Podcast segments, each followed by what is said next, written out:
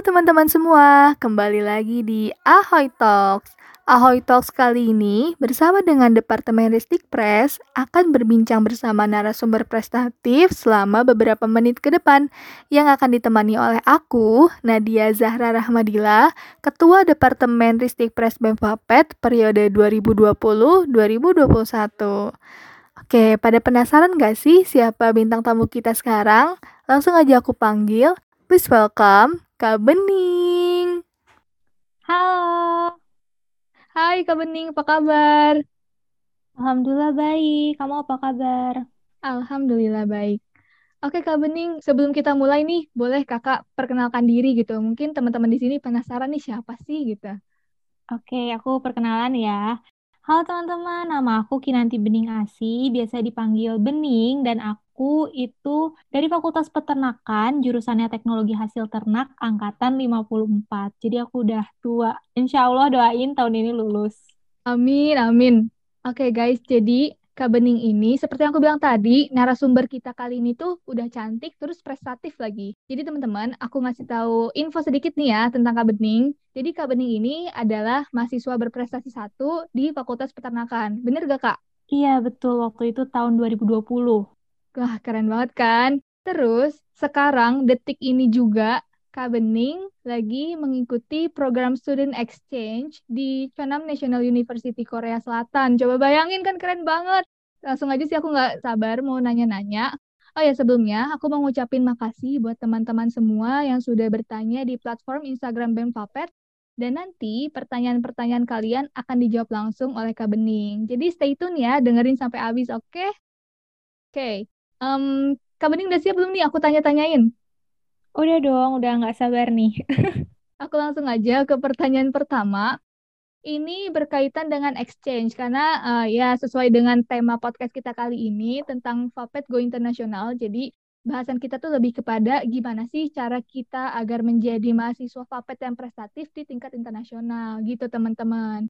Oke, kita ke pertanyaan pertama. Hal-hal apa aja sih Kak yang harus dipersiapkan sebelum mengikuti exchange? Wah, tuh pertanyaan pertama tuh udah detail ya. Oke, jadi hal-hal pertama itu pasti kan kita harus tahu ya persyaratannya apa aja, program yang dibuka apa aja. Nah, menurut aku hal yang paling penting banget untuk ikut program exchange ini dari temen aku juga dan pengalaman aku itu kamu siapin dulu yang namanya TOEFL. Kenapa? Karena banyak banget orang-orang yang nanya ke aku tentang TOEFL dan mereka nanya gitu kayak ini TOEFL bisa nggak sih dipersiapin seminggu dua minggu? Dan itu tuh nggak bisa gitu. Sedangkan semua program exchange itu mensyaratkan ada TOEFL. Terus kalau mis kalau misalnya kita punya TOEFL dari awal walaupun kita punya TOEFL tapi kita belum mau ikut exchange seenggaknya kita udah punya dulu kan TOEFL-nya. Jadi aman kalau ada program exchange dibuka kita tinggal sertakan TOEFL tersebut. Nah jadi biasanya dokumen-dokumen yang diminta waktu exchange itu yang dasar aja ya itu biasanya CV, motivation letter, paspor, transkrip nilai, TOEFL dan juga rekomendasi dosen. Tapi yang nggak bisa diurus dalam waktu sebulan itu adalah TOEFL sama paspor. Jadi aku saranin untuk punya TOEFL dulu dan punya paspor kayak gitu. Terus tentunya kita harus tahu program yang dibuka. Nah, kita tuh bisa tahu program yang dibuka di mana itu di at ICO underscore IPB. Kalian harus follow akun Instagram itu karena itu adalah akun International Collaboration Office-nya IPB dengan kampus-kampus di luar negeri dan kalian harus mantengin terus apa aja program yang dibuka. Banyak banget juga nih yang nanya ke aku tentang dapat program di mana dan lain-lain. Dan aku selalu jawab aku dapat di sana. Banyak juga yang bilang ini persyaratannya banyak banget gitu kan. Banyak yang gak siap persyaratannya. Karena aku sendiri itu selalu nyiapin exchange itu kayak setahun sebelumnya gitu waktu untuk yang program Korea ini aja aku udah tahu ada program ini dari 2020 bulan Januari dan aku baru berangkat 2021 Februari jadi aku emang nyiapinnya tuh lama gitu jadi itu sih yang harus disiapin Wow, well prepared banget nih kaki nanti bening asi. Wah, kan aku lengkap banget nyebutinnya. Oke, teman-teman boleh dicatat ya tadi apa yang udah Kak Bening sampein. Oke nih, kan tadi kan udah hal-hal yang udah dipersiapkan. pertanyaan selanjutnya mungkin ini masih relatable sama pertanyaan pertama, tapi lebih ke teknisnya nanti Kak pas kita udah daftar. Nah, pertanyaannya adalah tahapan seleksinya tuh ada apa aja ya Kak? Oke, tahapan seleksinya itu pertama tentu aja seleksi berkas. Jadi biasanya kita nyiapin berkas yang diminta oleh ICO atau ini konteksnya kalau ICO ya, kalau misalnya kalian daftar exchange dari luar ICO atau luar IPB, kalian itu biasanya nyerahin berkas atau apply ke email mereka. Terus nanti emailnya itu bakalan dijawab dan kalian bakal diminta untuk interview. Jadi biasanya alurnya tuh seleksi berkas dan juga interview. Nah, ini banyak juga yang nanya terkait TOEFL sih, gitu terkait TOEFL. Apakah boleh gak official TOEFL-nya? Sebenarnya dulu-dulu itu masih boleh, tapi sekarang saking banyaknya saingan dan anak-anak IPB juga udah makin banyak yang daftar untuk program-program internasional ini, biasanya mereka-mereka yang TOEFL-nya tidak official itu bakalan di-cut di bagian interview ini. Jadi mereka nggak dapat kesempatan untuk interview. Kecuali kalau memang tidak memenuhi kuota yang diinginkan, akhirnya mereka bisa masuk. Tapi kalau sekarang sih jarang ada yang tidak official TOEFL-nya dan bisa masuk sampai tahap interview kayak gitu. Oke, berarti tadi uh, yang aku simpulin ya ada seleksi berkas, terus kalau misalkan kita lolos masuk ke seleksi interview. Nah, biasanya ya, betul. interview ini nih Kak yang tantangan buat kita banget karena uh -uh. ada interview bahasa Inggris kan itu jujur aku aja kalau interview bahasa Inggris jadi ke mana-mana gitu kan bahasannya nggak to the point gitu muter-muter nah ini juga ada relatable sama pertanyaan ketiga pertanyaan ketiganya adalah tips and tricks lolos seleksi exchange dong kak Nah, tips dan triknya tentu aja tipsnya menurut aku siap ya, harus persiapin semuanya dengan matang-matang untuk tips di berkas itu baca persyaratannya baik-baik, jangan sampai berkasnya yang diminta apa malah dikasih apa. Terus kalau misalnya tips dan trik untuk interview itu kan interview dalam bahasa Inggris ya. Tentu aja kita tuh harus lancar bahasa Inggrisnya, nggak nggak perlu nggak perlu bagus, tapi yang penting kita lancar lancar tuh kita jawab aja terus gitu. Gak apa-apa salah-salah, gak apa-apa nyambung-nyambungin kata, tapi yang penting kita nggak nggak starter gitu, nggak nggak bingung, nggak diem aja kayak gitu. Terus tentunya waktu interview tuh kita bakal ditanya banget kesiapan kita ikut exchange, terus juga seberapa tahu kita sama program ini. Jadinya menurut aku pertanyaan interview tuh basic banget kok. Biasanya perkenalin diri, terus sesiap apa kamu ikut exchange ini, sesiap apa kamu ninggalin kuliah kamu di Indonesia, terus juga sesiap apa kamu sama Dana, dan juga kenapa kamu harus dipilih untuk ikut ini. Jadi menurut aku kalian bisa latihan sehari atau dua hari sebelum interview pakai bahasa Inggris untuk ngejawab pertanyaan-pertanyaan itu. Kalau misalnya kalian bahasa Inggrisnya emang masih nggak lancar-lancar banget kayak gitu. Oke, jadi bener banget ya, practice makes perfect gitu ya Kak ya. Betul. Oke Kak, tadi kan uh, fokusnya tuh lebih ke jawaban kita saat di interview. Nah, gimana sih uh, mungkin ada salah satu hal kecil yang dari kita nih dilihat sama interviewer, misalkan dari gestur kita atau dari cara kita berbicara, mungkin ada nggak sih tips dari kakak sendiri gitu, kayak dari posisi tubuh kita atau misalkan baju yang kita pakai gitu, tipsnya gitu Kak? Nah, iya, tipsnya sih paling kamu ngomongnya yang tegas, terus juga kamu kan sekarang lagi yang namanya semua interview tuh online. Kalau bisa udah ready di waiting room 10 menit sampai 5 menit sebelum dimulai. Itu sih. Terus bajunya juga rapi. Cahayanya at least kalau misalnya Zoom terang gitu kan. Jadi kesannya kamu tuh udah siap gitu untuk interview. Itu aja sih. Kayaknya kalau misalnya gestur kan kita lagi online juga nggak begitu diperhatiin ya Oke, terima kasih Kak. Tuh ya teman-teman, berarti kita tantangan kita saat ini tuh kita harus tepat waktu berarti. Oke, pertanyaan selanjutnya. Betul. Suasana belajar di Korea tuh kayak gimana sih Kak? Terus kurikulum exchange-nya yang di sana tuh seperti apa? Oke, suasana belajar. Jadi kalau misalnya aku sendiri kan ini sebagai exchange student ya, sebenarnya agak beda sama mahasiswa yang benar-benar kuliah di sini. Karena kalau di sini exchange tuh kita bebas untuk ngambil paling banyak itu maksimal 6 mata kuliah. dan paling sedikit itu satu mata kuliah. Jadi kita nggak punya kredit yang harus kita targetin. Nah, kalau misalnya kayak gitu kan, aku aja nih, aku cuma ngambil tiga mata kuliah, itu kan relatif untuk nggak sibuk gitu kan. Nah, sedangkan kalau misalnya mahasiswa yang di Korea ini kan pasti mereka punya target kayak kita kalau di Indonesia. Mereka tuh bener-bener sibuk banget. Kalau misalnya suasana belajarnya sebenarnya bedanya sama di Indonesia, dosennya tuh bener-bener merhatiin banget, merhatiin progres kita banget.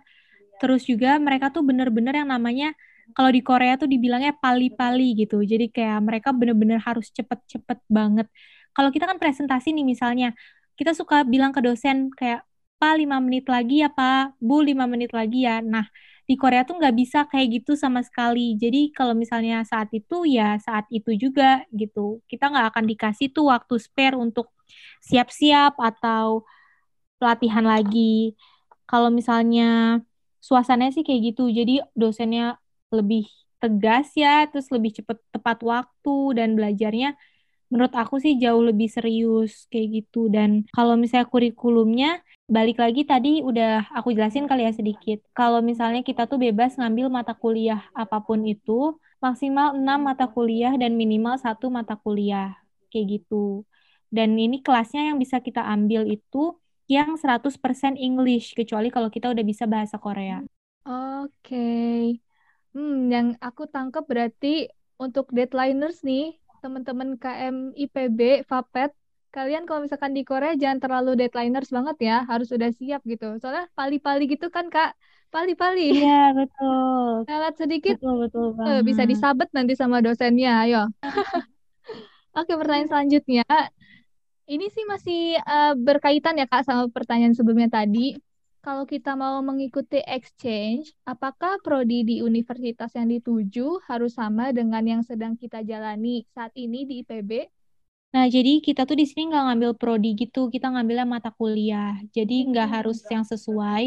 Karena aku juga di sini nggak ngambil yang peternakan sama sekali. Di sini aku cuma ngambil dua kelas bahasa Korea dan satu kelas manajemen. Dan kita itu gak ngambil intinya kita nggak ngambil prodi. Jadi kita ngambil mata kuliah yang penting kita bisa ngikutinnya. Jadi ada mata kuliah yang biasanya dibuka kelas full 100% English dan ada kelas yang setengah bahasa Korea setengah English dan ada kelas yang Korea 100%. Kalau kita udah bisa bahasa Korea, sebenarnya kita boleh ngambil yang Korea 100%, tapi karena aku nggak bisa mata bahasa Korea, jadi aku ngambil yang English 100%. Jadi nggak harus sama-sama prodi kita di IPB kayak gitu. Oke, jadi ini malah bisa jadi wadah buat teman-teman mempelajari sesuatu yang baru ya kak di luar peternakan gitu. Terus nanti yeah. di sama ilmu peternakan jadi lebih keren gitu kan? Betul, betul banget. Terus aku penasaran kak, kalau misalkan transkrip nilainya itu nanti gimana ya kak?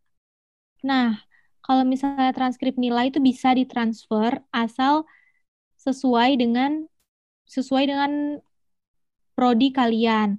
Cuman kalau misalnya transfer transkrip itu harus ngurusin ke departemen juga, harus ngurusin ke fakultas dan itu tuh ada yang bisa gantiin mayor kalian, ada juga yang enggak. Jadi nggak semua mayor tuh bisa digantiin dengan mata kuliah yang ada di sini. Bisa transfer transkrip, tapi aku nggak transfer transkrip kemarin karena aku kan udah tingkat akhir, SKS-nya juga udah cukup. Jadinya ya udah aku ambil kuliah yang aku mau aja dan kebetulan di sini tuh kemarin yang FAPET-nya itu nggak dibuka kelas English, jadi aku nggak bisa ngambil yang berbau-bau FAPET juga kayak gitu. Makanya aku nggak ngambil yang FAPET tuh karena nggak ada kelas FAPET yang dibuka. Oke nih, kita langsung ke pertanyaan selanjutnya ya, Kak karena aku lihat kan Kak Bening tuh hmm, udah aktif di akademik, terus di non akademik juga. Kakak juga duta IPB kan? Duta IPB yeah. juga mobile-nya aku lihat cukup sibuk gitu. Waktu pas kemarin-kemarin aku lihat kayak banyak postingan-postingan gitu kan. Itu kan juga butuh waktu gitu. Nah, oke okay, mm -hmm. pertanyaannya itu adalah tips bagi waktu antara ngerjain tugas dengan belajar dan organisasi itu gimana Kak? Oke, okay, jadi kalau aku sendiri dari awal masuk kuliah, aku tuh udah punya target. Jadi targetnya itu bukan bukan sehari dua hari tapi sampai aku lulus. Nah, waktu itu aku tuh target tingkat satu, semester satu tuh aku mau fokus ngejar IPK. Terus semester 2 aku mau fokus organisasi sampai sampai semester 4 waktu itu. Terus semester 4 ke semester 5 aku mau ikut lomba-lomba dan semester 6 ke atas aku mau ikut exchange kayak gitu. Jadi target-target tuh udah aku buat dari awal masuk kuliah. Makanya menurut aku aku juga kurang setuju sama orang-orang yang ngambil organisasi sampai tiga, terus dia ngambil lomba juga, terus dia ngambil yang lainnya. Karena itu tuh pasti ada satu hal yang dia tinggalin yang ngeberatin orang lain. Makanya untuk kalian bisa dapat itu semua, kalian taruh di tahun-tahun yang berbeda. Kayak waktu itu tingkat satu aku fokus organisasi doang dan kuliah. Terus tingkat dua aku masih organisasi. Tingkat tiga aku udah mulai coba lomba-lomba sama mulai exchange. Terus tingkat empat fokusnya penelitian sama aku exchange kayak gitu. Makanya aku tuh sebenarnya bisa bisa yang tadi kayak kata kamu duta gimana karena sebenarnya waktu aku jadi duta kuliah aku tuh udah gak sibuk dan aku udah gak punya organisasi. Terus waktu aku jadi mapres, aku tuh udah gak punya organisasi juga, jadi aku cuma kuliah sama mapres. Aku gak pernah yang bener-bener punya lebih dari dua fokus di satu tahun. Untuk belajar ya, kalau misalnya belajar, aku tuh selalu ngejarnya waktu mau UTS atau UAS. Itu bener-bener seminggu sebelumnya aku bener-bener yang namanya ngafalin, bukan ngafalin sih kayak belajar ngerti dari slide satu, catatan, dan lain-lain itu bener-bener sampai ngelotok banget. Tapi kalau misalnya di hari-hari kuliah biasa, itu biasanya aku fokus ngerjain tugas doang, karena kan tugasnya FAPE tahulah laporannya udah banyak. Dan aku itu kalau ngerjain tugas misalnya hari ini dapat tugas sore itu aku langsung kerjain. Jadi aku nggak numpuk-numpuk jadi di Sabtu Minggu misalnya aku punya organisasi aku bisa fokus organisasi itu di Sabtu Minggu atau kalau Sabtu Minggu waktu itu aku mapres harus ngerjain KTI jadi aku ngerjain KTI-nya fokus di Sabtu Minggu jadi tugas tuh udah nggak ngeganggu lagi kayak gitu Berarti kuncinya adalah well preparation ya, Kak? Iya, betul. Persiapan yang baik dari awal karena balik lagi sih kayak tujuan kamu itu mau jadi apa ke depannya. Kalau misalnya kamu pengennya jadi mapres gitu misalnya. Iya, berarti kamu harus fokus di lomba-lomba, organisasi boleh, organisasi juga bagus cuman mungkin satu aja atau enggak misalnya satu periode aja, sisanya kamu banyakin lomba kayak gitu. Oke, jadi buat teman-teman yang dengerin ini dan mungkin masih ngerasa insecure kalau misalnya kamu cuman aktif di akademik, itu nggak cuma sih sebenarnya. Kalau misalnya yeah. Kalian belum ada kesempatan untuk ikutan organisasi atau misalkan lomba belum menang-menang, tenang aja teman-teman, don't rush your time because everyone has their own timeline gitu ya kak. Oh, betul banget. Aku suka banget tuh sama everyone has their own timeline. Aku juga punya tips sih untuk yang belajar ini dan tugas. Uh, menurut aku no pain no gain ya. Jadi aku itu emang jarang gak pernah main kalau misalnya hari kuliah atau waktu-waktu kuliah. Jadi bukan liburan sekolah gitu. Um, aku main sih, tapi itu main yang udah dijadwal. Jadi misalnya aku penat banget, aku mau main ah gitu. Tapi aku nggak pernah yang uh, pulang kuliah tiba-tiba dia ngajak nongkrong yuk yuk kayak gitu aku nggak pernah karena menurut aku itu terlalu apa ya wasting time kalau misalnya kalian banyak nongkrong-nongkrong yang menurut kalian itu nggak benar-benar perlu cara aku tetap socialize itu ya dari organisasi itu. Jadi kayak main sekalian ada organisasi, sekalian rapat ada yang dikerjain. Tapi kalau misalnya cuma nongkrong-nongkrong, makan malam terus kayak banyak ngobrol yang gak ada akhirnya, itu biasanya aku hindarin sih. Jadi emang waktu aku di hari-hari kuliah itu fokus untuk kerjain tugas aku, entah itu dari kuliah atau dari organisasi. Bener banget, Kak. Aku setuju banget sama Kak Bening. Oke, ini ada pertanyaan ini tapi uh, fokusnya ke berbahasa Inggris kak pengen ikutan exchange gitu tapi masih belum pede berbahasa Inggris jadi caranya gimana sih untuk meningkatkan pede kita dalam berbahasa Inggris Nah, jadi cara ningkatin PD untuk berbahasa Inggris itu menurut aku sering latihan ngomong depan cermin. Kayak biarin aja gitu kayak orang aneh. Yang penting kalian latihan aja terus sering nonton film atau video yang bahasa-bahasa Inggris kayak hmm. gitu. Dan kalau misalnya kalian punya teman atau misalnya kakak yang bisa bahasa Inggris kalian ajak aja gitu eh ngomong bahasa Inggris yuk sehari-hari kayak gitu itu bisa ningkatin confidence kalian banget karena waktu itu juga waktu kecil aku tuh kayak gitu cara belajar waktu aku SD aku sama kakakku sebelum tidur gitu sok-sokan ngobrol pakai bahasa Inggris tapi itu tuh jadi ngebantu banget waktu SMP dan SMA aku tuh udah bisa ngomong bahasa Inggris bahkan ngobrol sama bule karena waktu itu kan aku RSBI dan sering dapet native speaker di sekolah aku udah bisa ngobrol sama mereka dengan lancar dan juga nggak ada nggak ngertinya kayak gitu. Wow, keren banget tuh. Itu SD ya kak udah bisa begitu? Iya. Wow. Karena waktu SD juga aku pernah ikut speech contest kayak bahasa Inggris. Jadi aku emang seneng sih karena kakak aku juga seneng bahasa Inggris kan. Jadi kita sering gaya-gayaan aja gitu di rumah. Dan belajar bahasa Inggris pun gak perlu yang teoritis banget ya kak, bisa dari iya. hal-hal yang kita suka gitu kan, kayak nonton Netflix betul, gitu misalnya. Betul, betul banget. Dan yang paling penting teman-teman, jangan takut untuk berbuat kesalahan. Itu sih, iya, karena betul. Mungkin banyak yang kita takut ya kayak mau ngomong tapi takut, takut di judge gitu, dibilang ah so Inggris loh kayak gitu kan. Padahal ya iya. udah ngomong-ngomong aja. Karena betul. sesungguhnya orang luar negeri yang native speaker pun tidak mempermasalahkan hal itu gitu. Iya, betul banget, betul banget. Dan bener, jangan bener. membuat ini ya juga, jangan membuat batasan-batasan di diri kita ya kak, jangan bikin border yeah. kok nggak bisa gitu.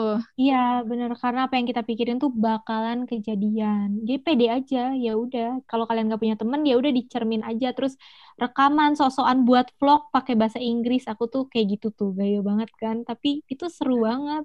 Ya teman-teman ya, mulai sekarang kalau belajar berba uh, berbahasa Inggris boleh dari hal yang kalian suka dan yang paling penting jangan takut untuk buat kesalahan. Oke, kita ke pertanyaan selanjutnya. Ini lebih ke teknikal tentang berkas-berkas um, mungkin ya kalau exchange agar terpilih seleksi, apakah CV yang digunakan harus menarik dan harus berprestasi secara akademik atau non akademik? Oke, kalau CV jujur aja sebenarnya aku belum pernah ikut yang bener-bener namanya pelatihan CV yang kayak nggak boleh warna ini, nggak boleh warna itu, aku juga nggak tahu. Cuman kalau exchange kemarin, itu temen aku nyaranin untuk pakai Europass. Jadi Europass tuh kayak web yang emang udah ada formatnya untuk buat CV, kayak nama, terus pencapaiannya apa aja, kita tinggal kayak fill form. Tapi nggak harus pakai itu juga karena teman-teman aku yang lainnya yang ikut exchange ke Korea ini juga nggak ada yang pakai Europass selain aku. Jadi menurut aku yang yang penting itu adalah isi CV-nya itu sendiri. Terus kan pertanyaannya apakah harus menarik dan harus berprestasi secara akademik dan non akademik? Sebenarnya pasti jawabannya iya ya gitu. Dan tergantung lagi sama saingan kamu kayak ngapain orang nerima yang tidak ber misalnya ngapain orang nerima yang tidak berprestasi kalau ada yang berprestasi. Cuman menurut aku semua orang itu punya prestasi dan gimana kamu nunjukin prestasinya. Kalau misalnya nggak ada sama sekali ya udah masukin aja prestasi kamu pas SMA. Coba-coba dulu aja karena yang namanya prestasi itu kan dibuat ya bukan ditungguin terus tiba-tiba udah ada. Kalau misalnya nggak nyoba nanti ya prestasinya nggak dapet dapet deh. Jadi CV-nya ya nggak bagus-bagus deh. Bener banget. Berarti um, CV makin bagus, diri kita juga makin bagus gitu ya kak ya? Iya betul. Makanya kayak cari coba-coba aja gitu kayak menurut aku ya kayak organisasi, jabat jadi staff, terus juga kepanitiaan itu juga prestasi loh gitu. Iya bener banget. Karena prestasi nggak melulu tentang juara satu, juara dua, ya kan kak ya? Iya bener. Oke, kita lanjut ya ke pertanyaan berikutnya bagaimana caranya mengajukan proposal exchange ke sponsor dan kira-kira isi proposalnya itu apa aja sih Kak? Nah, jadi mengajukan proposal exchange ke sponsor itu mirip banget sama mengajukan proposal acara. Cuman bedanya kita itu nawarin diri kita. Jadi kalau misalnya di acara kan kayak nanti brand kamu bakal ditaruh di acara ini dan lain-lain dengan tamu sekian tamu gitu. Nah, kalau misalnya proposal sponsor itu kita taruh CV kita, terus nanti feedbacknya biasanya ke perusahaannya itu adalah mendapatkan potensi uh, tenaga kerja yang kompeten gitu. Seakan-akan kita bakal balik ke mereka dan membantu perusahaan mereka, walaupun itu nggak nggak harus kayak gitu juga, kayak gitu. Nah, biasanya ini tuh di proposal sponsor ini bisa diajukan ke pemerintahan kayak ke Dikti atau ke perusahaan yang terkait. Misalnya waktu itu aku mau lomba ke London tapi di cancel karena corona, itu aku juga nyari sponsor, itu aku ajuin ke perusahaan-perusahaan kayak Java, terus juga perusahaan-perusahaan peternakan karena aku dari peternakan. Nah, kalau misalnya ke Dikti juga kayak bilangnya dengan aku ikut ini pelajar di Indonesia dan calon tenaga kerja Indonesia itu akan lebih baik kayak gitu. Itu sih yang ditawarinnya. Bedanya di sana aja. Cuman kalau misalnya sponsor ke IPB, nih kan ada juga itu yang keluar dan ada juga yang ke IPB. Kalau ke IPB itu udah ada formatnya, itu bisa dicek juga di Instagramnya ICO. Ntar di sana ada Bitly deh kalau nggak salah, untuk apa aja yang harus diisi untuk proposal ke IPB itu sendiri, kayak gitu. Oke, terima kasih Kak. Oh ya, untuk mm, waktu pengajuan proposal itu baiknya ada berapa bulan setelah kita diterima dari si program itu atau gimana Kak? Ada waktu tertentu gitu nggak Kak?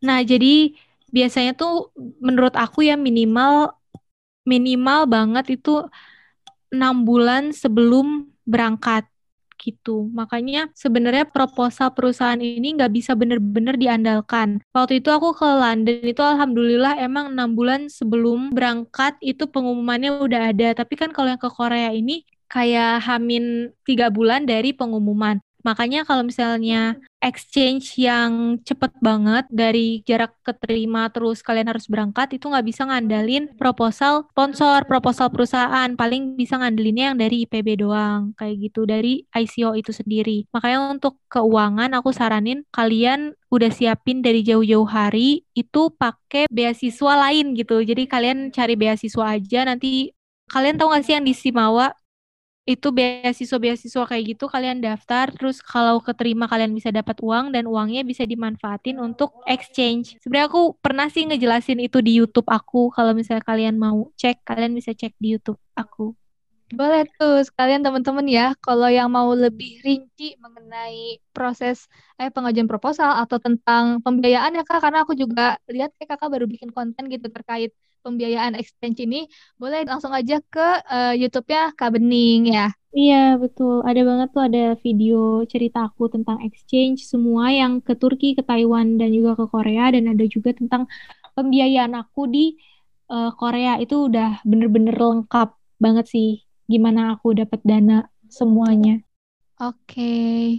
Oh ya, waktu pas kakak exchange ke Turki itu berarti tingkat berapa kak? Itu aku tingkat satu semester dua. Wah, tingkat satu berarti kan masih ada matkul yang harus kita ambil tuh ya kak dari IPB-nya. Nah ini tuh uh, pertanyaannya kalau sedang mengikuti exchange, apakah kita tetap harus mengambil matkul wajib kita di IPB Oke, jadi waktu itu aku ke Turki itu cuman dua bulan, jadi pas summer. Tapi waktu itu aku emang sempet alfa selama dua minggu. Jadi aku ngejar sampai 20 tugas. Aku ingat banget pulang dari Turki, aku itu dapat 20 tugas. Terus kalau misalnya kalian cuman ikut exchange yang kayak sebulan uh, atau dua sebulan lah ya, sebulan atau pas liburan summer itu kalian harus tetap ngambil mata kuliah wajib di IPB. Cuman kalau kayak aku nih 6 bulan, itu tentu kalian harus ninggalin mata kuliah wajib kalian di IPB. Kecuali kalau misalnya kondisi pandemi kayak sekarang, kalian bisa online. Dan kalau kalian ada waktu nggak bentrok sama mata kuliah yang di luar negeri ini, kalian mending ambil aja mata kuliah di IPB. Kalau misalnya kita uh, skip gitu ya istilahnya, Berarti kita harus pulang semester yang di IPB atau gimana, Kak? Iya, betul. Kita harus ngulang semester yang di IPB. Oke.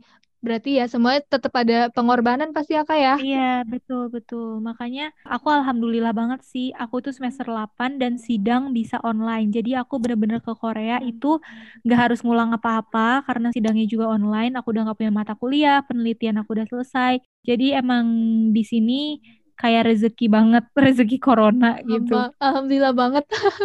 Oke tuh teman-teman mungkin bisa jadi suatu tips ya buat kita memanfaatkan si corona ini. Aduh memanfaatkan, ada manfaatnya juga kamu corona. yang mau exchange gitu boleh banget nih sekarang-sekarang gitu kan jadi kita bisa nyambi gitu istilahnya bisa kuliah sambil keluar negeri, belajar di sana dengan suasana baru, lebih seru pastinya. Betul. Betul. Nah, teman-teman aku kan juga di sini nggak semuanya tingkat akhir ya. Hmm? Ada juga yang ngambil mata kuliah di kampus awalnya. Jadi dia tetap ngambil mata kuliah di sana, jadi dia nggak harus ngulang. Yang penting bisa bagi waktu, kayak gitu. Hmm, benar, bagi waktu itu kuncinya. Oke. Oke, um, kira-kira berapa sih Kak biaya yang harus dipersiapkan untuk exchange? Kalau misalnya biaya, uh, sebenarnya um, sebenarnya kalau misalnya biaya tergantung program kalian apakah itu fully funded atau enggak. Tapi kalau misalnya self funded 100%, menurut aku itu tuh bisa sampai 50 juta kalau misalnya self funded. Tapi itu tergantung durasinya juga. Kalau misalnya seminggu paling 10 juta cukup kalau misalnya self funded. Tapi kalau udah sebulan, sebulan mungkin sekitar 20, 30 juta cukup. Tapi kalau udah satu semester itu udah kayaknya di atas 50 juta. Tapi kalau misalnya ada beasiswa atau partially funded itu yang penting kalian punya uang untuk visa, biaya pesawat dan juga biaya jajan, oleh-oleh, main-main kalian di negara tersebut kayak gitu. Hmm, lumayan juga ya, Kak. Iya, benar. Aduh guys, kita harus uh, nyisihin uang sedikit tuh ngekat uh, uang buat skincare, buat jajan-jajan kayak gitu. Iya, benar-benar. Membantu tabungan kita buat exchange gitu kan. Nah, aku saranin sih untuk kalian cari beasiswa dalam negeri. Jadi kayak beasiswa yang ngasih kalian uang jajan kemarin aku tuh dapat beasiswa dari Paragon itu sekitar 12 juta dan alhamdulillah itu ngebantu banget yang aku ke Korea untuk biaya pesawat dan juga biaya karantina aku. Wah, alhamdulillah banget ya kak. Hmm, karena kalau mau nabung dari uang jajan kayak kapan kekumpulnya gitu. Kecuali kalau kalian mau jualan, tapi kan jualan juga nggak gampang ya. Jadi kalian bisa tuh nyari-nyari beasiswa beasiswa-beasiswa kayak kemarin tuh ada Jarum, terus habis itu Pokpan, terus Kargil, kayak gitu-gitu. Oke, ini kan Kak Bening tadi udah nyinggung sedikit soal beasiswa nih. Mungkin tips and tricks gitu dapat beasiswa yang diinginkan kayak gitu, terus apa aja yang harus dilakukan? Silakan Kak. Oke, jadi tips dan trik itu pertama kalian buka Simawa, simawa.ipb.ac.id ya. Di sana dijelasin banget uh, beasiswanya apa, apa yang akan kalian dapat, apa aja syaratnya. Terus kalian apply aja deh. Karena menurut aku kalau beasiswa sih kalian apply yang mana aja karena nggak ada ruginya kan gitu. Supaya keterimanya tentu aja kalian harus siapin apa yang mereka minta. Biasanya sih IPK nih, IPK minimal banget tiga. Karena biasanya semua beasiswa prestasi bukan beasiswa mahasiswa tidak mampu itu mensyaratkan IPK minimal 3. Bahkan kemarin aku Paragon IPK itu minimal 3,3 kayak gitu. Oke, teman-teman tuh ya boleh didengerin dan dipersiapkan gitu. Lumayan banget nih kita ada persiapan, apalagi kalau online kayak gini kayaknya lebih gampang ya buat kita untuk iya. cari tahu info, untuk mungkin belajar gitu kan, untuk mempersiapkan. Betul. Oke, ini betul, uh, betul. pertanyaan terakhir nih Kak. Ini tentang skor TOEFL. Jadi untuk exchange itu berapa sih minimal skor TOEFL yang qualified untuk ikutan exchange? Jadi kalau minimal skor TOEFL itu biasanya 500, itu minimal. Tapi kalau misalnya kalian mau ke Eropa atau ke Amerika, itu biasanya jauh lebih tinggi. Mungkin kalau Amerika kalau nggak salah sekitar 550 deh, dan kalau Eropa tuh lebih tinggi lagi. Cuman kalau misalnya ke negara kayak Korea, Jepang, Taiwan, Cina, Australia itu 500 juga cukup. Tapi kalau misalnya Jepang itu biasanya mereka mau sertifikasi bahasa Jepang minimal N berapa. Kalau Korea alhamdulillah enggak, enggak ada topiknya, enggak ada minimal bahasa Koreanya berapa, tapi untuk TOEFL minimal biasanya 500. Oke, terima kasih Kak. Tapi sebelum yeah. aku tutup sesi ini, aku mau minta mungkin closing statement dari Kak Bening yang bisa memotivasi teman-teman kita untuk bisa go internasional seperti Kak Bening. Oke, semangat teman-teman. Ayo pasti bisa. Go internasional. Go internasional tuh bukan untuk jalan-jalan, tapi untuk memajukan Indonesia juga. Karena sampai kapan Indonesia mau maju kalau mahasiswanya aja nggak berani bersaing di dunia internasional. Kita ke dunia internasional tuh bukan buat gaya-gayaan, tapi untuk belajar juga, untuk bisa bersaing sama mahasiswa di luar Indonesia juga kayak gitu. Yap, aku setuju banget sama statement Kak Bening tadi. Jadi teman-teman, kita sebagai generasi penerus bangsa ini harus berani untuk bersaing di tingkat internasional. Oke, Kak Bening, terima kasih banyak sudah meluangkan waktu di sela-sela kesibukannya. Semoga apa yang tadi udah kita omongin nih ya, jadi bermanfaat buat teman-teman dan bisa memotivasi teman-teman juga untuk go internasional. Amin. Oh ya teman-teman, jangan lupa pantengin terus IG BEM Fapet karena minggu depan ada Ahoy Talks edisi PSDM. Jadi kalian tunggu question box di IG BEM Fapet, jangan lupa tanya-tanya ya, oke? Jadi teman-teman, sudah selesai nih podcast kita kali ini. Semoga bermanfaat. Aku Nadia Zahra Rahmadila beserta Kak Bening pamit undur diri. Let's Talk with Ahoy Talks. Terima kasih semua. thank you